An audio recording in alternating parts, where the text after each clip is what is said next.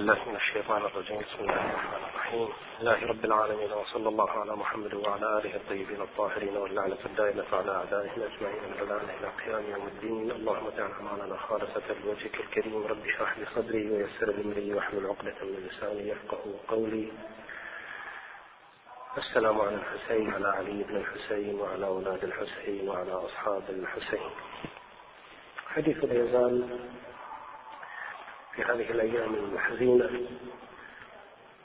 حول الأصول القرآنية للنهضة الحسينية. قد يكون طابع هذا البحث طابعا فكريا وعلميا يبتعد إلى حد ما على الجانب المأساوي والعاطفي وهو جانب عبرة. باعتبار أن هناك مجالس كثيرة تتناول هذا الجانب كما أني لست من يحسن الحديث عن جانب العبرة فلأترك هذا لأهله لأخوض في جانب لعل هذا مما يتأتى لي ويتيسر لي الحديث فيه وهو مهم جدا وقد تبين لنا في الحلقة السابقة أهمية البحث أو أهمية البحث عن الأصول القرآنية للنهضة الحسينية سواء في داخل الطائفة داخل أبناء المذهب أو في خدمة قضية الحسين صلوات الله وسلامه عليه من أجل تعريف الآخرين بها لكي نخرج. هذه النهضة من عنق الزجاجة التي وقع فيها بعض المحبين ويريد الآخرون أن نقع فيها لتبقى قضية مذهبية مع أن النهضة الحسينية ليست مذهبية بمعنى ليست لفئة معينة من الناس ولا ينبغي أن تكون لفئة من الناس ولا يسوغ لنا أن نمارس شيء يجعلها تتحرك في هذا الإطار الضيق لأن في ذلك تحجيما لأمر سماوي أراد الله عز وجل أن يخاطب به الناس أجمعون. تطبيقا لقول الله عز وجل وما أرسلناك إلا رحمة للعالمين فما دام الحسين صلوات الله وسلامه عليه ورد فيه حسين مني وأنا من حسين يجب أن نحافظ على القضية الحسينية في هذا الإطار. وإن كان الذين وفقوا لإحياء الذكرى, الذكرى كما ينبغي للناس أن يحيوه وما وبمقدار ما أوتوا من القوة هم أتباع أهل البيت وهذا فخر وشرف لهم لكن ينبغي أن نفتح هذه المنة الإلهية والعطاء الإلهي للآخرين لكي يشاركون هذا الجلاء هذا الجني وهذا العطاء وهذه الثمرات الكبيرة. بعد أن استعرضنا المدخل وفيه عدد من الوقفات توقفنا عندها ننتقل الآن للحديث عن هذه الأصول لكن أقدم بين يدي هذه الأصول تمهيد وهو أن النهضة الحسينية لها أبعاد متعددة. النهضة الحسينية ليست وليدة يوم العاشر. ولا هي تلك الرحلة التي قام بها أبو عبد الله الحسين صلوات الله وسلامه عليه في تلك الأيام الأولى من سنة 61 وانتهت بشهادته صلوات الله وسلامه عليه. وإنما هذه الأيام وهذه الفاجعة تعتبر آخر مراحل النهضة الحسينية. وقد سبق هذه النهضة هذه الأيام التحضيرات الكثيرة جدا لكن قمة التوهج في هذه النهضة الحسينية هي هذه الأيام التي نحتفل وإياكم والمؤمنين بها في أيام العشرة الأولى من كل عام. ونسأل الله لنا ولكم الثبات. ماذا؟ ما هو أبرز ما يتجلى للمرء في القضية الحسينية حتى نعالج جذوره؟ ونحرك بعض الأسئلة والتساؤلات التي تثار وينبغي أن نثيرها نحن قبل أن يثيرها الآخرين أول ما يلفت النظر ويستدعي منا التوقف هو ظاهرة الموت. فإن الذي حصل في كربلاء هو مواجهة قتالية مقصودة من كل من الطرفين. الحسين صلوات الله وسلامه عليه وهو صاحب الحقيقة المطلقة في تلك الحالة. تحرك قاصدا القتال بمعنى أنه يعلم لم يكن يريد أن يقتل ويقاتل ويذبح آخرين لكنه كان يعلم أن مآل هذه الحركة سينتهي بمواجهة عسكرية مسلحة وأن مما سيترتب على هذه المواجهة قتل لشخصه الشريف ولمن كان معه من المساهمين كما أن هناك قتلا وموتا سيحصل للطرف الآخر. مع أننا نعلم أن منطق القرآن الكريم ليس منطق الموت وإنما هو منطق الحياة. لكن الموت يحصل للناس بسببين. موت طبيعي حيث تنتهي المدة المحددة من قبل الله عز وجل للناس لفلان من الناس. عدد معين من السنين ستين أقل أكثر فيموت موتا طبيعيا. نتيجة مرض نتيجة شيخوخة. بأسباب نعرفها وبأسباب نجهلها في أغلب الأحيان تأتي الفترة المحددة ويموت فلان. هذا لا نستطيع أن نوجه سؤال لماذا مات فلان. إنك ميت وإنهم ميتون. لكن هناك شكل آخر من الموت يحصل. قد يسلم الإنسان في تحصيل أسبابه. هل هذا مما يجوز أو مما لا يجوز؟ يعني هل يجوز للإنسان أن يسعى لتحصيل الموت لنفسه أو للآخرين؟ الجواب القرآني سيأتي سلبيا بالمطلق. النفس الإنسانية محترمة. منا نعمة من الله سبحانه وتعالى يجب على الناس أجمعين أن يحافظوا عليها. لاحظوا ماذا يقول الله سبحانه في مورد يا أيها الذين آمنوا إلى أن يقول ولا تقتلوا أنفسكم إن الله كان بكم رحيما. لا تقتلوا أنفسكم هذا أمر لا يجوز. آية أخرى بعد أن يسوق قصة هابيل وقابيل ابني آدم وما حصل بينهما من جريمة انتهت بأن يقتل قابيل هابيل ظلما وعدوانا جاء هذا التشريع من أجل ذلك كتبنا على بني إسرائيل أنه من قتل نفسا بغير نفس أو فساد في الأرض فكأنما قتل الناس جميعا ومن أحياها فكأنما أحيا الناس جميعا. الموقف القرآني إذا واضح. لا يجوز للإنسان أن يزهق نفسه ولا أن يزهق نفس الآخرين. وإن كانت المسألة معكوسة. يعني لو كان هناك رغبة في الإنسان أن يقع قتل سيكون لديه رغبة في قتل الآخرين وموت الآخرين. ليس رغبة في قتل نفسه لأن أعلى وأقوى غريزة موجودة في نفس الإنسان هي محبته لنفسه. نحن نرفض أن يلحق بنا الأذى على مستوى القتل.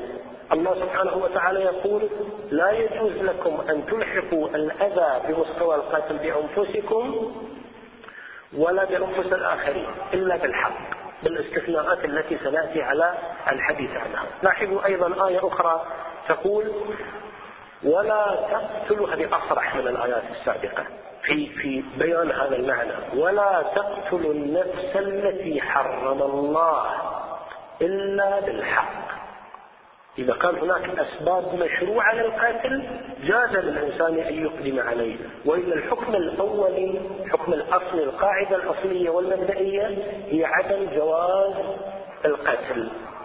وفي كثير من الأحيان نحن لا نتحرك بقصد قتل الآخرين. لكن قد نختار طريقا فعلا من الأفعال ينتهي بحصول قتل وإزهاق روح من أرواح الناس. لذلك تجدون الفقهاء يفرقون. عندنا قتل عام وعندنا قتل شبه العام وعندنا قتل خطأ. شو الفرق؟ قتل العام هو الحركة المقصودة التي يسعى صاحبها لإزهاق روح معينة نسميه قاتل عمد هذا واحد. أحيانا لا. الإنسان يختص طريقا ينتهي به إلى القتل لن يكون قاصدا للقتل. قوي في بنيته أو يستعمل آلة حادة يضرب بها شخص من الناس ينتهي به القتل. الله سبحانه وتعالى قال في الأمر الأول لا يجوز لكم وفي الأمر الثاني أيضا لا يجوز لكم أن تقوموا بردود أفعال أو تصرفات تنتهي بالآخر إلى أن تزهق روحه. هذا قتل شبه عنه يعني استعملتم فيه وسائل من شأنها أن يموت الإنسان بسببها. في حين عندنا قتل خطأ قتل الخطأ مثل حوادث السيارات. لكن لو واحد لا مو قتل خطأ هو حادث سيارة لكن له صورة. صورة يتحول إلى قتل شبه عنه والثاني يكون خطأ. الخطأ مثل الحوادث الاعتيادية. لكن لو أن إنسان أراد أن يسير في حي من الأحياء بسرعة 150 كيلو متر ويعرف أن أمامه في الشارع أطفال هذا يستطيع أن يقول أنا ما كنت أن يعني كنت لم أكن أقدر أن أحد سيموت. هذا ينتهي به إلى قتل شبه عن سرعة مكان ضيق وجود الناس. صحيح وإن كان هو غير قاصد للقتل لكن قد يصدق عليه.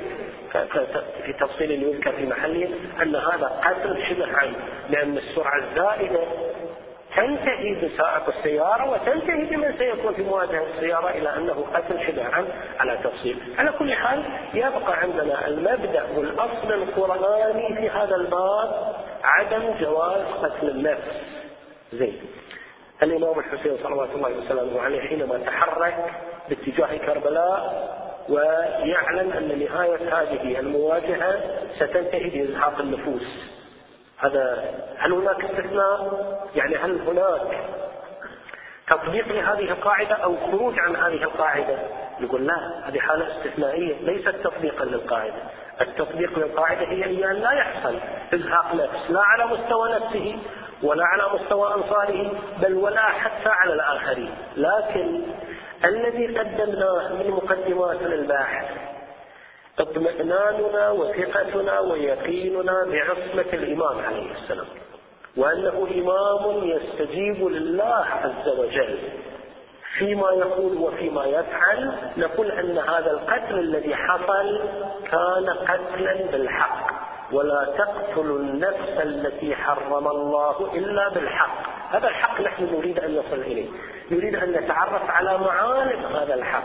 يعني الدواعي والبواعث التي حركت الإمام الحسين صلوات الله وسلامه عليه إلى أن يكون هذا الفعل فعلا مشروعا ليس له.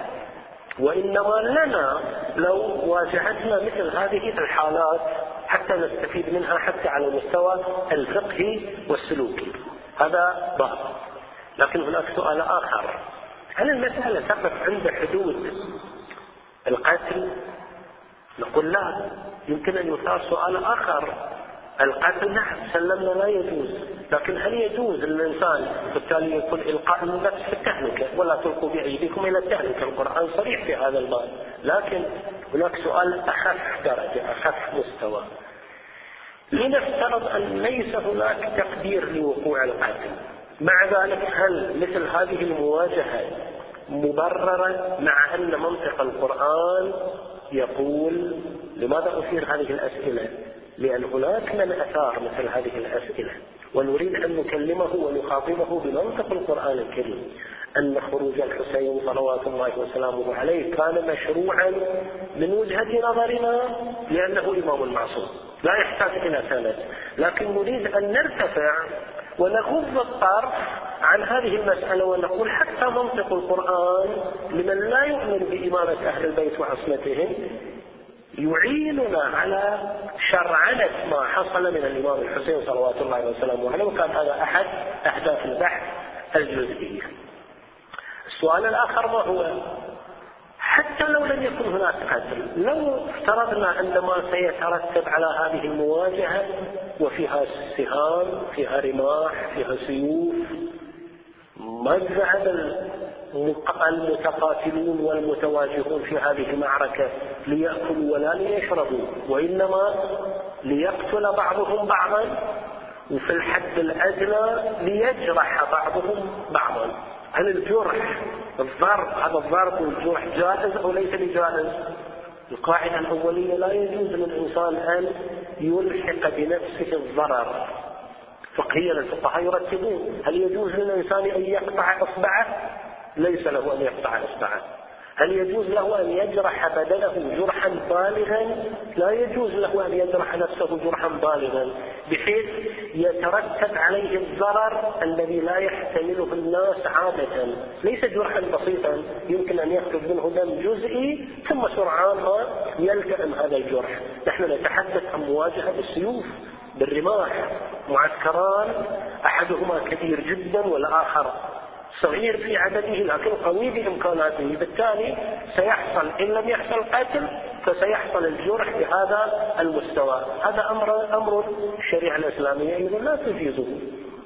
بل إن الشريعة الإسلامية حرمته بلسان آخر. القرآن يقول والجروح قصاص لو أن أحدا جرح أحدا من الناس بآلة حادة أو آلة شبه حادة أو حتى بغير ذلك وتسبب في جرحه عليه أن يدفع الدية لو لم يكن هذا الأمر محرم لما ألزمناه بدفع الدية. إذا أيضا هذا سؤال آخر ينبغي لنا أن آه، نلتفت إليه. ثم إن هناك سؤال آخر ثالث يمكن أن يثار في هذا الباب. قد يكون الخروج كالذي حصل من قبل الإمام الحسين صلوات الله وسلامه عليه وهذا هذه شبهة تثار من قبل البعض. هي أن الخروج على الحاكم والسلطة الزمنية ونحن نعرف أن الحكومات عادة تمسك بأذمة الأمور بحيث تكون مقدرات المجتمع الاقتصادية والسياسية والأمنية والاجتماعية والثقافية بيدها. بحيث تتمكن من إلحاق الأذى بمن يخرج عليها. تشويه سمعته إيذاؤه اقتصاديا واجتماعيا وملاحقته أمنيا ومن معه. هل يجوز لنا نحن أو أي فئة من الناس أن يخرج كما يقال بلغة هذه الأيام يخرج على القانون ويتمرد على الدولة بحيث يترتب من الأضرار ظاهرا ليس على من خرج بل حتى على الوضع العام الوضع الاجتماعي العام. يترتب عليه كما يقال مفاسد بغض النظر عن التطبيقات نحن نتكلم عن القاعدة العامة. أيضا نقول في الوضع الطبيعي لا يجوز. لذلك تجدون الفقهاء حينما يتحدثون عن شروط الأمر بالمعروف والنهي عن المنكر يقولون ما لم يترتب عليه مفسدة. بعض مراتب الأمر بالمعروف والنهي عن المنكر إذا وصلت إلى درجة يترتب عليها مفسدة يعتقل الشخص الأمر بالمعروف والنهي عن المنكر أو يسجن أو ينفى أو يلحق به الضرر أو بمن يعنيه أمره أو بمن لا ترضى الشريعة المقدسة بإلحاق الضرر به. لا يجوز له أن يخرج في مثل هذه الحالات إلا بناء على استثناءات نسعى هل ان ما حصل في نحو الإمام الحسين صلوات الله وسلامه عليه يسير على القاعدة أو يسير على ضوء الاستثناء. لا شك أنه على وضع الاستثناء لأن الله سبحانه وتعالى كما ذكرنا كتب عليكم القتال وهو كره لكم. الإنسان يكره القتال طبع الإنسان بطبعه يكره القتال. القتال المؤدي إلى القتل ليس على نفسه فقط. لذلك تجدون أن الأسوياء من الناس حتى لو لم يلتزموا بشريعة إسلامية ولا بدين سماوي لو وقع منهم القتل إما أنهم سينكرون يقول أنا لم أقتل لأن طبيعة إلحاق الأذى بمستوى القتل بل إلحاق الأذى بمستوى الجرح حتى لو لم يكن هناك قانون. يمكن واحد يقول الذين ينكرون وقوع الجرائم منهم على مستوى القتل والجرح والإيذاء يخافون من الشرطة يخافون من القضاء يخافون من القانون أن يطبق عليهم لا تجدون حتى الحكام الظالمين. حتى الحكام الظلمة إذا وقعت منهم مجازر وإيذاءات وقتل لا يجرؤون على أن يعترفوا بها إلا من شك وإلا في الغالب إما أنه سينكر وقوع الجريمة أو سيبحث عن مبررات.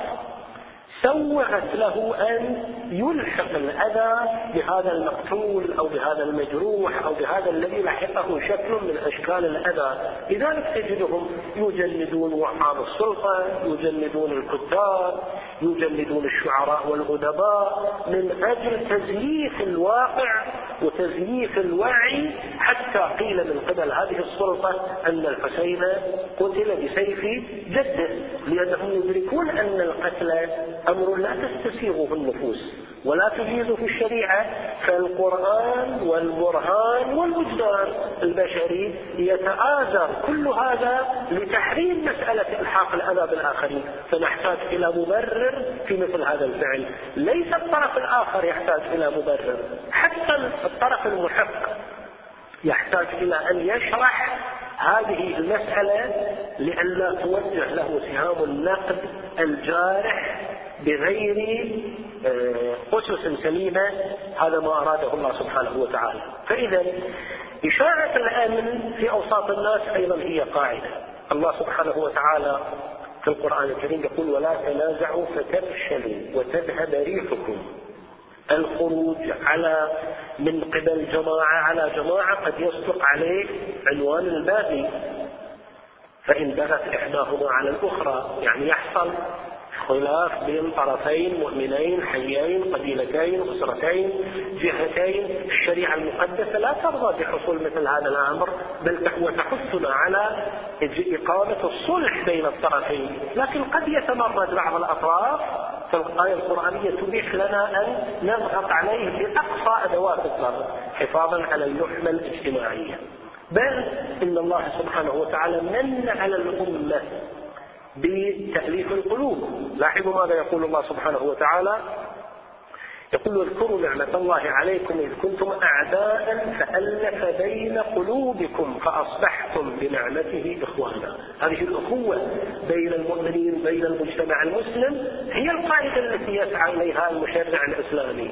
لذلك القيام بكل ما من شأنه أن يمزق الصف لا يجوز. هل إنما حصل من الإمام الحسين صلوات الله وسلامه عليه خروج عن هذه القاعدة أو لا.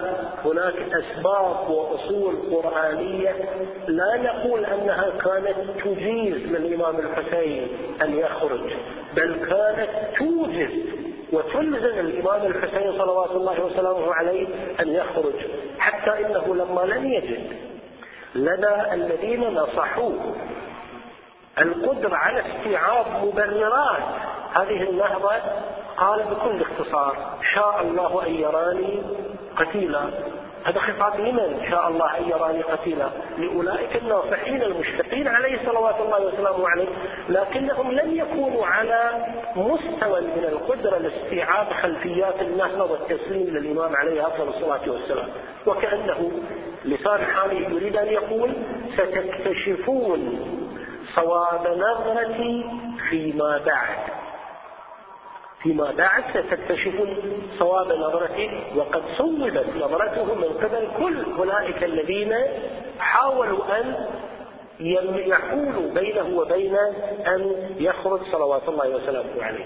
زين. فالأمن والاستقرار أيضا يعتبر من الأصول والقواعد القرآنية المهمة يمن الله سبحانه وتعالى على أهل مكة بالخصوص. تعرفون أن المجتمع العربي قبل الإسلام كان مجتمع سلب ونهب لم يكن مجتمع لا هو صناعي ولا هو زراعي ولا هو إنتاجي وإنما كانت القبائل تعيش على السلب والنهب والإغارة. هذه القبيلة تغير على تلك القبيلة؟ تسلب مواشيها تأخذ منها أسرى؟ ثم إذا أرادوا مبادلة الأسرى أخذوا في مقابلهم فداء لتنتهي الجولة عند هذه القبيلة ليشرع المشوار حتى أنهم آه، توصلوا لأن كان هناك حالة بشعة جدا من فوات الأمن. فاتفقوا فيما بينهم على أن يبقوا موسم العمرة في رجب شهر أمن وموسم الحج. فصار رجب شهر محرم لا يجوز فيه القتال حتى يتاح لمن أراد أن يذهب إلى مكة أن يذهب ويرجع دون أن يلحق به الأذى وكذلك أيضا في موسم الحج اللي هي شوال وذو القعدة وذو الحجة أو ذو القعدة وذو الحجة ومحرم مجال فترة للذهاب والإياب. وأن الوضع الطبيعي كانت السيوف مسلولة وقد وصفت الزهراء عليها أفضل الصلاة والسلام. واقع ذاك المجتمع الذي أنقذهم الله سبحانه وتعالى بأبي محمد كما قالت صلى الله عليها وعلى أهلها. ماذا من الله سبحانه وتعالى على الناس؟ قال فليعبدوا رب هذا البيت الذي أطعمهم من جوع وآمنهم من خوف. هذه من منن الله عز وجل على هذه الأمة لكن للأسف الشديد لم يراعوا هذه المنن وهذه النعم. لكي نجيب على هذه الأسئلة الثلاثة والتساؤلات وغيرها كثير لأننا كما ستعرفون ليس كل من بحث القضية الحسينية والنهضة الحسينية ينطلق من الأصول التي ننطلق منها نحن. كما قدمنا نحن نعتقد بعصمة الإمام وبإمامة الإمام ووجوب طاعته والتسليم بكل ما صدر من الإمام دون نقاش. تسليما لعصمته. لكن هناك فئات أخرى إما أنه ضعيف الإيمان أو ضعيف الوعي والاستيعاب أو أنه لا يؤمن أصلا بإمامة الإمام ولا بعصمته حتى أن بعضهم يحمل دوافع الإمام عليه السلام ويقول أن من دوافع الإمام إن لم يكن كل الدوافع ذهبوا شرقا وغربا أن بعضهم قال هناك خصومات شخصية بين الإمام الحسين وبين يزيد. هناك من ترقى قليلا لم يتجاوز البعد الشخصي قال هناك نزاع قديم بين بني هاشم وبني أمية على زعامة قريش. هذه كانت أحد أسباب أو كانت السبب الرئيس والأساسي لهذه النهضة. نحن لا نعتقد بشيء من هذا بل نقول كما إن شاء الله سنسوقه أن الآيات القرآنية وهي التي لا يأتيها الباطل من بين يديها ولا من خلفها وهو الكتاب الذي لا ريب فيه. وهو الذي يهدي للتي هي أقوى والحسين صلوات الله وسلامه عليه أيضا هو. لا ريب فيه لا باطل فيه من يأتيه من بين يديه ولا من خلفه ويهدي للتي هي أقوى. لا يمكن أن يكون دوافعه في مثل هذا الفعل الكبير والضخم جدا. نعوذ بالله نوازع شخصية أو نوازع قدمية وأسرية أو أي نوازع أخرى لا تصب في المبدأ القرآني المسلم لأن القرآن ينص شيء هالك إلا وجهه. منطق الإمام الحسين صلوات الله وسلامه عليه في هذه النهضة يدحض كل شكل من أشكال هذا المعنى. فإذا قتل الذات قتل النفس لا يجوز الانتحار لا يجوز إيذاء الآخرين. لا يجوز إلحاق الأذى لا يجوز. لكن الإمام الحسين صلوات الله وسلامه عليه وتفكيك الأمة وتمزيقها لا يجوز. ومع ذلك نجد الإمام الحسين أصر على المواجهة لم يقبل نصح أي من ناصحيه وقوي عوده واشتد في هذا الباب وأصر إلى آخر الدرجات. بل إنه أتاح لكل من معه حتى من كانوا معه.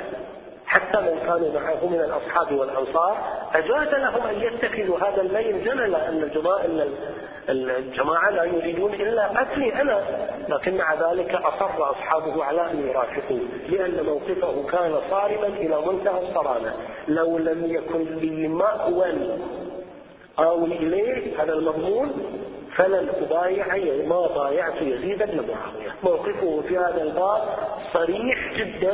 سنأتي إن شاء الله على النص الذي ذكره. زين فإذا هناك أصول ومبادئ وقواعد كانت تملي على الإمام الحسين صلوات الله وسلامه عليه أن يفعل ما فعل. الأصل الأول الذي يمكن أن نتلمسه وسأسعى لأن يكون ترتيب هذه الأصول ترتيبا منطقيا. يأخذ الأصل الأول إيانا إلى الأصل الثاني. والأصل الثاني ينتهي بنا إلى الأصل الثالث. وحتى تصير ولادة الفكرة ولادة طبيعية. لا أدعي أني سآتي بجديد لكن نحاول أن نجعل من هيكل البحث هيكلا منطقيا. الأصل الأول الذي يقرره القرآن الكريم وأملى على الحسين عليه أفضل الصلاة والسلام أن يفعل ما فعل هو أن القرآن الكريم يقول بين قوسين بقطيعة القطيعة مع الظلم. القرآن لا يقبل الظلم وبالتالي يبني على رفضه لقيمة الظلم وهي قيمة سلبية القطيعة مع الظالم. نعرف نحن أن الظلم نسبي كما سنأتي إن شاء الله على ذكره. لكن من حيث المبدأ القرآن يرفض رفضا مطلقا وحينما نقول القرآن يعني الإسلام. حينما نقول الإسلام والقرآن يعني الله عز وجل. وما ربك بظلام للعبيد. حينما يمتدح الله عز وجل نفسه بأنه ليس بظلام للعبيد هو بالتالي يحث الناس على أن لا يقعوا في ظلم الناس. يعني الأصل الأول الذي ذكرناه أو يذكر عادة في علم العقائد العدل. قيمة العدل في ذات الله عز وجل قيمة مطلقة لا يمكن أن نتنازل عنها وتنسحب على الناس. الظلم بكل أشكاله في الإسلام مرفوض. الذين آمنوا ولم يلبسوا إيمانهم بظلم أولئك لهم الأمن. في الآية الشريفة يا أيتها النفس المطمئنة ارجعي إلى ربك راضية مرضية. هذه في سورة الفجر المنسوبة للإمام الحسين صلوات الله وسلامه سورة الفجر منسوبة للإمام الحسين بلحاظ هذا البيت يا أيتها النفس المطمئنة كيف تطمئن النفس؟ ألا بذكر الله تطمئن القلوب. زين هل النفس الظالمة تطمئن؟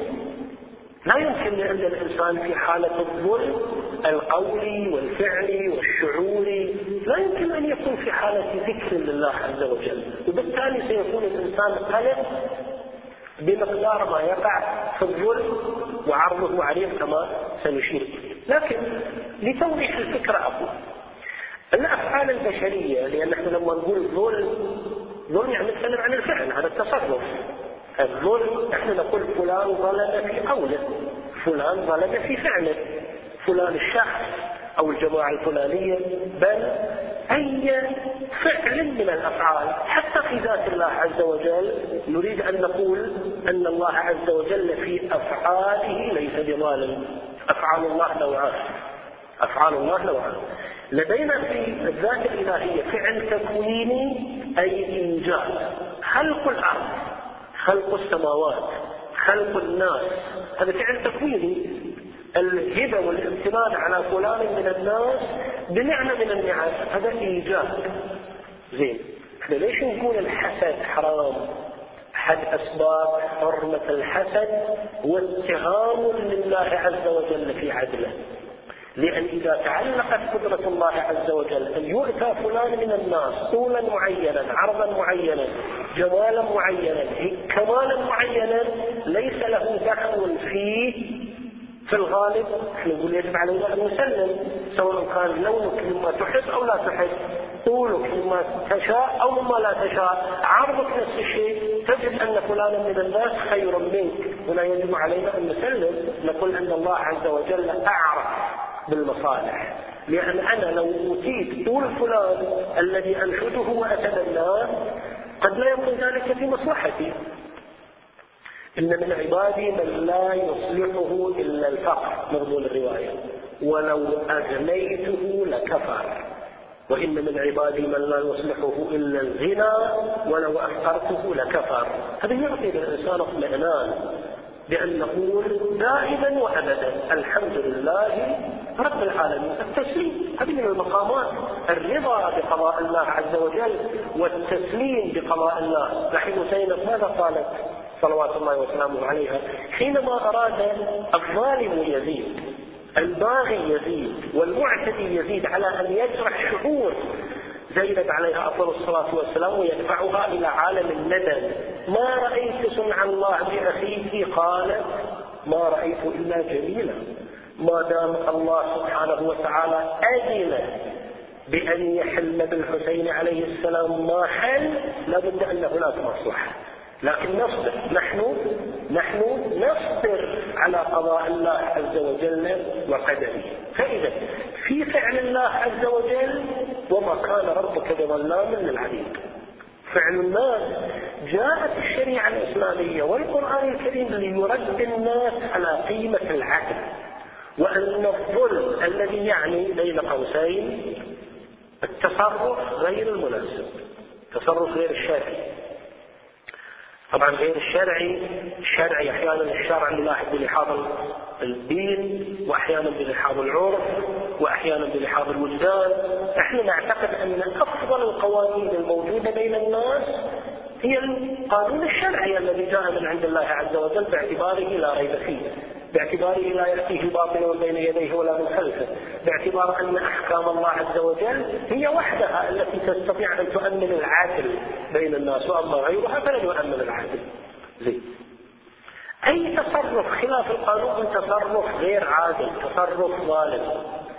ففي فعل التكوين وهو خلق الله عز وجل لا نستطيع أن نتهم الله سبحانه وتعالى بتصرف غير عادل يعني تصرف ظالم أن هذا خلق بشكل غير مناسب إيجاد غير مناسب توقيت غير مناسب لحدوث الظاهرة الفلانية وإنما نصبر هكذا أوجدنا في تشريعات الله عز وجل الأمر عينه. لا نستطيع أن نتحفظ على حكم من أحكام الله عز وجل. وإلا سيكون ماذا؟ الاعتراض على أحكام الله اعتراض على حكمة الله عز وجل أولا واعتراض على مالكية الله. ما دام الله عز وجل هو المالك لهذا العالم. ليس لي أن أعترض على تصرف الله فيما يملك. حق كل مالك أن يتصرف في ملكه كيف شاء لكن نحن إذا ملكنا وتصرفنا قد نسيء التصرف. ليس لأننا نملك. كونك تملك هذا حقك أن تتصرف فيه. لكن قد لا يكون هذا التصرف نابع من الحكمة. لذلك نقول فلان يملك لكنه سفيه. والحق عز وجل يخير لنا قضية وجدانية. ولا تؤتوا السفهاء أموالكم التي جعل الله لكم قياما. المال إنما ملكنا الله سبحانه وتعالى إياه من أجل أن نقيم شؤون حياتنا. فإذا أسأنا التصرف بالمال بعترنا بدرنا أسرفنا وأصبح ظاهرة بحيث صنفنا ضمن السفهاء للحاكم الشرعي أن يحجر علينا يمنع السفيه من أن يتصرف في أمواله. فالله عز وجل هو مالك مطلقا لا شريك له وهو حكيم مطلقا. لا سفه في صحته عز وجل. وبالتالي لا مجال للاعتراض على فعل الله التكويني ولا على أوامر الله ونواهيه التشريعية. ينبغي أن الدين عند الله الإسلام. لكن في فعل الناس في فعل الناس العامة من الناس قد يتصرف بعضهم فيما لا يملك فيكون معتديا يكون ظالما يترجم ذلك بالغصب بالسرقة بالاغتصاب بأي شكل من الأشكال التي يتحدث عنها الفقهاء في أبواب الفقه. وأحيانا يسيئون التصرف. حتى لو لم يكن يتصرف في أموال الآخرين لكنه يصيب التصرف في أمواله هو فيفتقد الأمرين. لا هو مالك فيتصرف ولا هو حكيم فيتصرف. زين. في بعض الأحكام الجزئية قد يحتمل وقوع الناس في الظلم. يعني الظلم من نسبة صغيرة لكن قد يكون الظلم كبير جدا بحيث لا يحتمله الناس. القرآن يقول لا. في بعض الأحيان الأمر بالمعروف والنهي عن المنكر يكفي لردع الظالم عن ظلمه. وأحيانا بالتربية والتعليم وأحيانا بالإرشاد وأحيانا لا يتوقف الأمر على استعمال اليد. الجهاد في سبيل الله. الإمام الحسين صلوات الله وسلامه عليه ماذا يقول في هذا الباب؟ إني لا أرى الموت إلا سعادة والحياة مع الظالمين إلا برمة ما عادت تحتمل الحياة. يعني بلغ الظلم الذي وقع عن المشروع بني أمية ومن شخص يزيد حتى لم يكن يمكن السكوت عليه وللحديث بقية. أسأل الله سبحانه وتعالى أن يجعلنا وإياكم ممن يستمع القول فيتبع أحسنه. السلام على الحسين وعلى أولاد الحسين وعلى أصحاب الحسين. سلام الله عليكم ما بقيت وبقي الليل والنهار وصلى الله على محمد وآله الطيبين الطاهرين.